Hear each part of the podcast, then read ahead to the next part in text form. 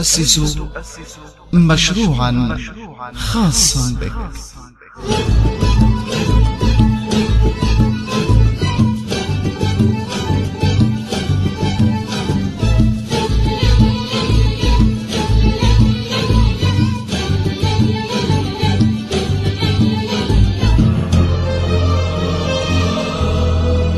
كيف تؤسس مشروعا خاصا بك؟ برنامج من إعداد وتقديم عبد العزيز غالب القدسي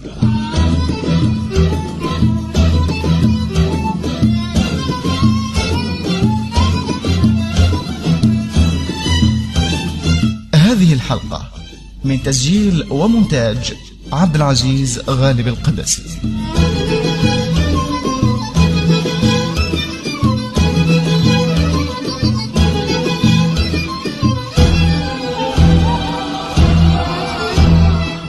طيبة إلى مستمعينا الأكارم متابعي هذا البرنامج.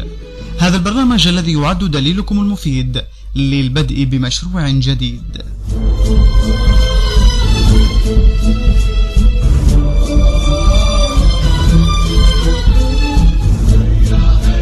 مستمعينا الأكارم في الحلقتين الماضيتين بدأنا معكم في تناول موضوع مهم للغاية ألا وهو موضوع دراسة جدوى المشروع. والتي تحدد لنا مدى صلاحية فكرة المشروع الصغير للتنفيذ. وقد قلنا بأن دراسة جدوى المشروع تتكون من ثلاثة أقسام أو مراحل. تبدأ بالقيام بالدراسة التسويقية للمشروع ثم الدراسة الإنتاجية أو الفنية للمشروع وثالثا الدراسة المالية للمشروع. وقد تعرفنا معا على الدراسة التسويقية وعلمنا أنها تتألف من خطوتين الأولى تشمل دراسة السوق والتنبؤ بالطلب على المنتجات أما الخطوة الثانية فتعنى بإعداد الخطة التسويقية للمشروع أو إعداد المزيج التسويقي الخاص بالمشروع من تخطيط المنتج وتسعيره وترويجه وتوزيعه.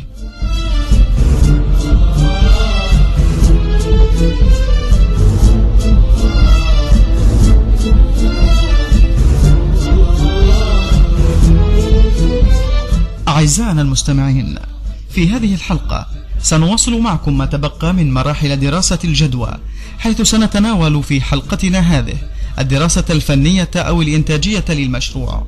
فأهلا ومرحبا بكم.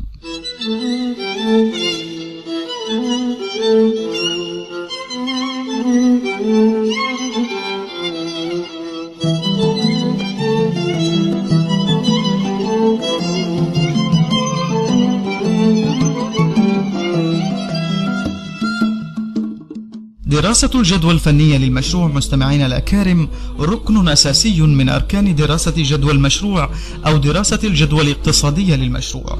والدراسة الفنية للمشروع هي التي تعتمد عليها جميع الدراسات التالية وبشكل رئيسي الدراسة المالية. بل لا يمكن إجراء الدراسة المالية أصلا دون وجود الدراسة الفنية التي تقرر صلاحية إنشاء المشروع من الناحية الفنية أو الإنتاجية.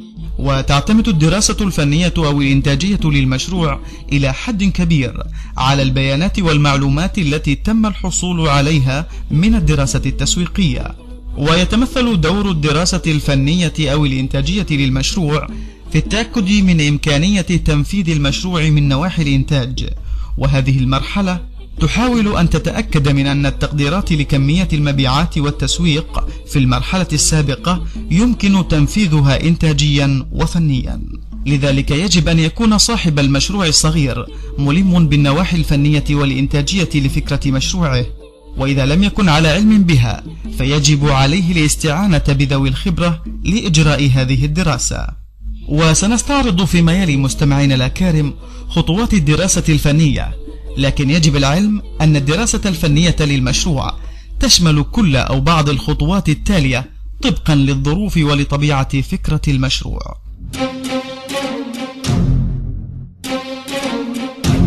خطوات الدراسة الفنية. أولا تحديد الطاقة الإنتاجية للمشروع.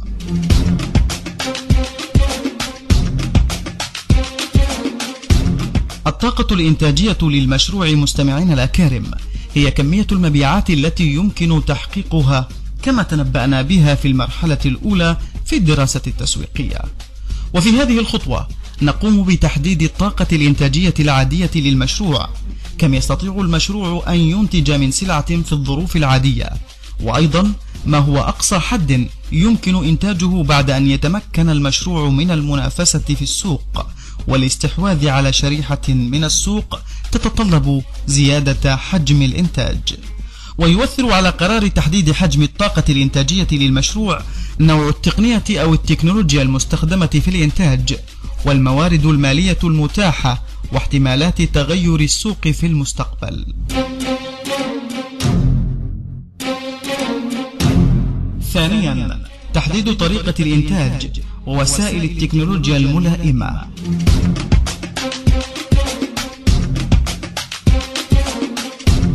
وفي هذه الخطوة مستمعينا الأكارم نقوم بحصر الخطوات والعمليات اللازمة للإنتاج والوسائل التكنولوجيا الصالحة للاستخدام في نوع الإنتاج للمشروع. وتقييم هذه الأساليب من وجهة النظر الفنية من حيث مدى ملائمتها ومدى المعرفة الفنية بها. فمثلا إذا كان مشروعك هو إنتاج الآيس كريم فيجب أن تحدد نوع الآيس كريم الذي تريد إنتاجه وما هي خطوات إعداده وإنتاجه. هل ستستخدم الطريقة التقليدية في صناعته أم تكنولوجيا حديثة؟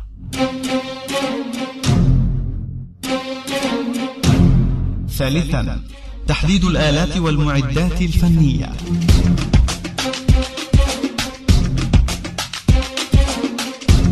تختلف عزيزنا المستمع الآلات والمعدات الفنية. تبعا لطريقة الإنتاج والطاقة الإنتاجية والدقة المطلوبة في المنتجات. ويختلف شكل وحجم الآلات والمعدات والأجهزة من مشروع لآخر. وعلى الدراسة الفنية تحديد أنسب الآلات والمعدات للمشروع من بين قائمة المعدات والآلات التي تستخدم في مثل هذا المشروع.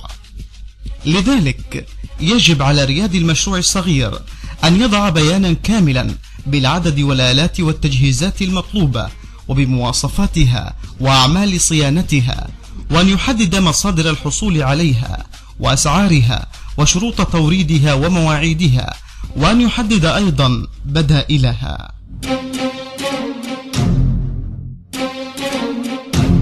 رابعا تحديد موقع المشروع أو مكان الإنتاج.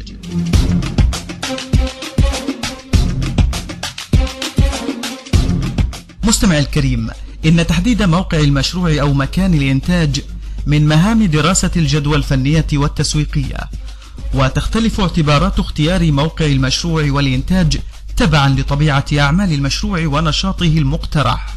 ومدى توافر المواد الخام خصوصا إذا كانت هذه الخامات يصعب نقلها.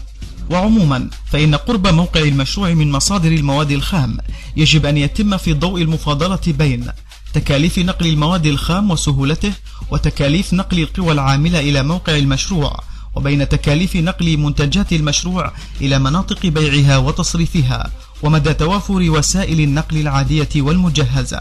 وتتدخل تكاليف شراء الأرض أو استئجارها في دائرة تفضيل موقع على آخر. وأيضا قوانين الاستثمار قد ينتج عنها ميزة اقتصادية عند اختيار موقع المشروع. على سبيل المثال تمنح المشروعات التي تقام في المناطق الحرة إعفاء من الضرائب أو إعفاء من الرسوم الجمركية. كما تتدخل العوامل البيئية عند اختيار موقع المشروع وكذا الاستقرار الأمني في منطقة المشروع.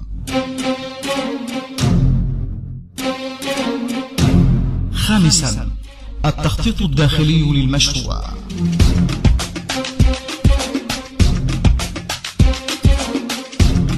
وفي هذه الخطوة مستمعينا الكرام يتم تحديد الأقسام المختلفة للمشروع وتحديد مواقع الإنشاءات الخاصة بكل قسم في ضوء المساحة الكلية للمشروع مساحات وموقع الآلات والمعدات والمخازن وعنابر الإنتاج ومكاتب الإدارة ونظام التخزين سواء للمواد الخام أو المنتجات الجاهزة للبيع. وبصفة عامة يكون الاعتبار الأساسي في تخطيط مباني وإنشاءات الإدارات والأقسام الخاصة بالمشروع هو تسهيل حركة انتقال المواد الخام من بدء العملية الإنتاجية حتى إنتاج السلعة النهائية للمشروع. سادسا تحديد كميات عوامل الإنتاج المطلوبة.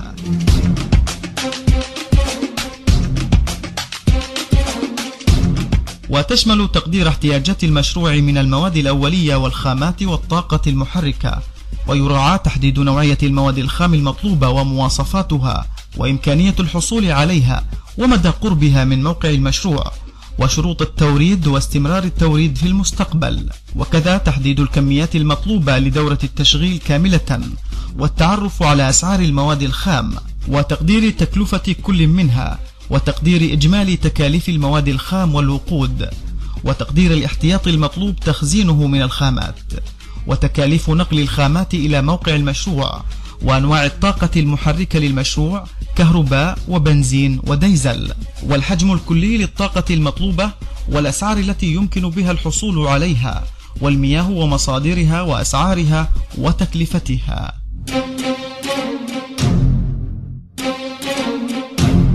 سابعا تحديد العمالة المطلوبة وأفراد الإدارة.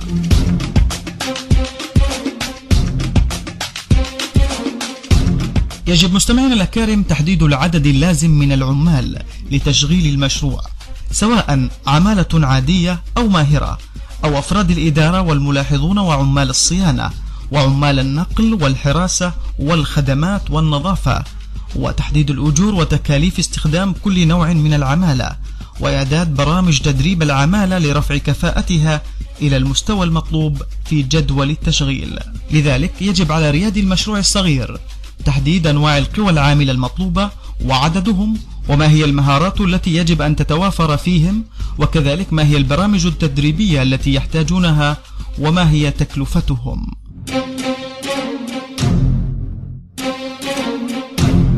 ثامنا خطوات أخرى.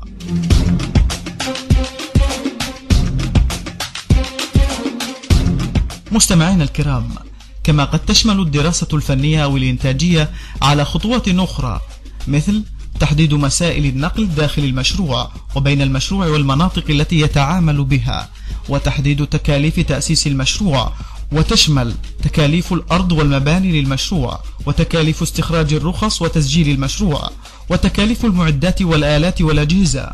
وتكاليف إجراء دراسة الجدوى الاقتصادية وتكاليف الاستشارات القانونية في مرحلة تأسيس المشروع وتكاليف الدعاية والإعلان وتكاليف التدريب وتكاليف أخرى في مرحلة تأسيس المشروع.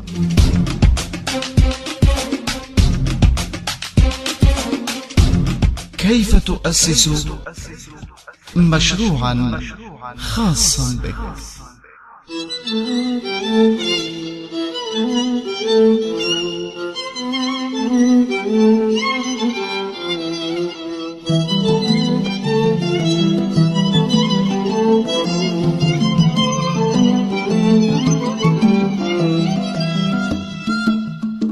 نموذج للدراسة الإنتاجية لمشروع تربية نحل.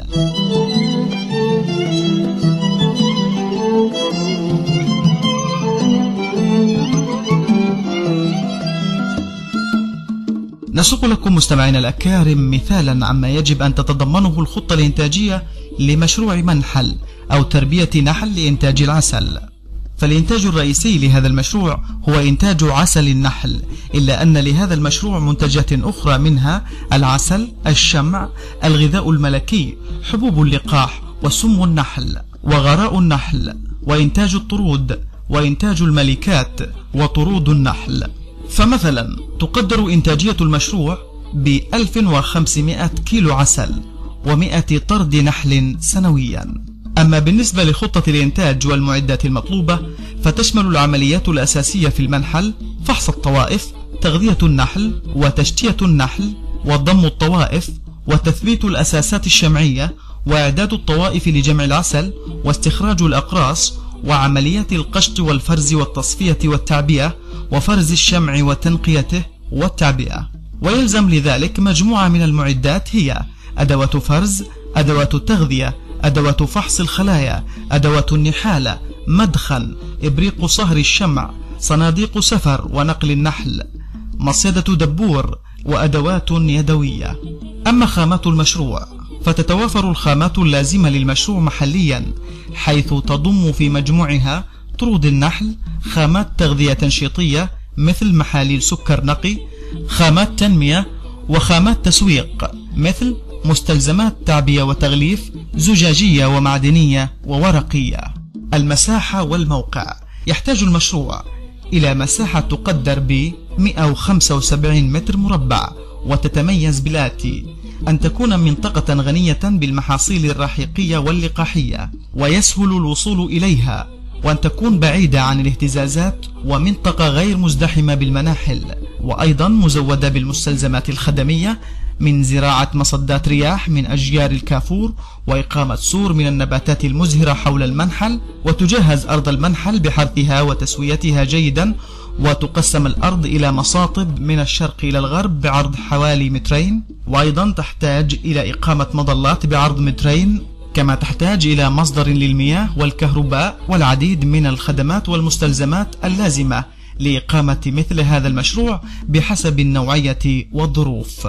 أما بالنسبة للعمالة فلا يحتاج العمل في مشروع تربية النحل إلى مجهود كبير ووقت طويل فيمكن استغلاله كمشروع جانبي فهو لا يتطلب تفرغا كاملا وعلى ذلك يحتاج المشروع إلى فردين للعمل فيه.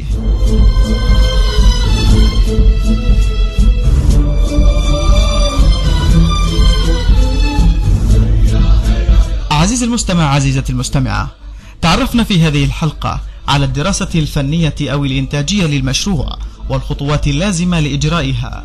في الحلقة القادمة سنتناول القسم الثالث من دراسة جدوى المشروع وهو الدراسة المالية للمشروع. فإلى ذلكم الحين. دمتم في رعاية الله وحفظه.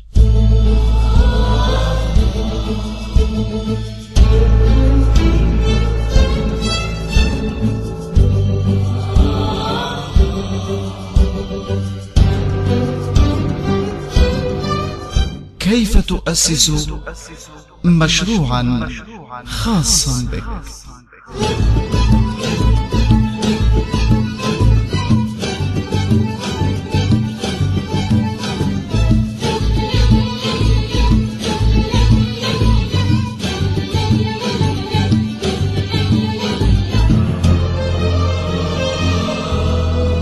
كيف تؤسس مشروعا خاصا بك؟ برنامج من إعداد وتقديم عبد العزيز غالب القدسي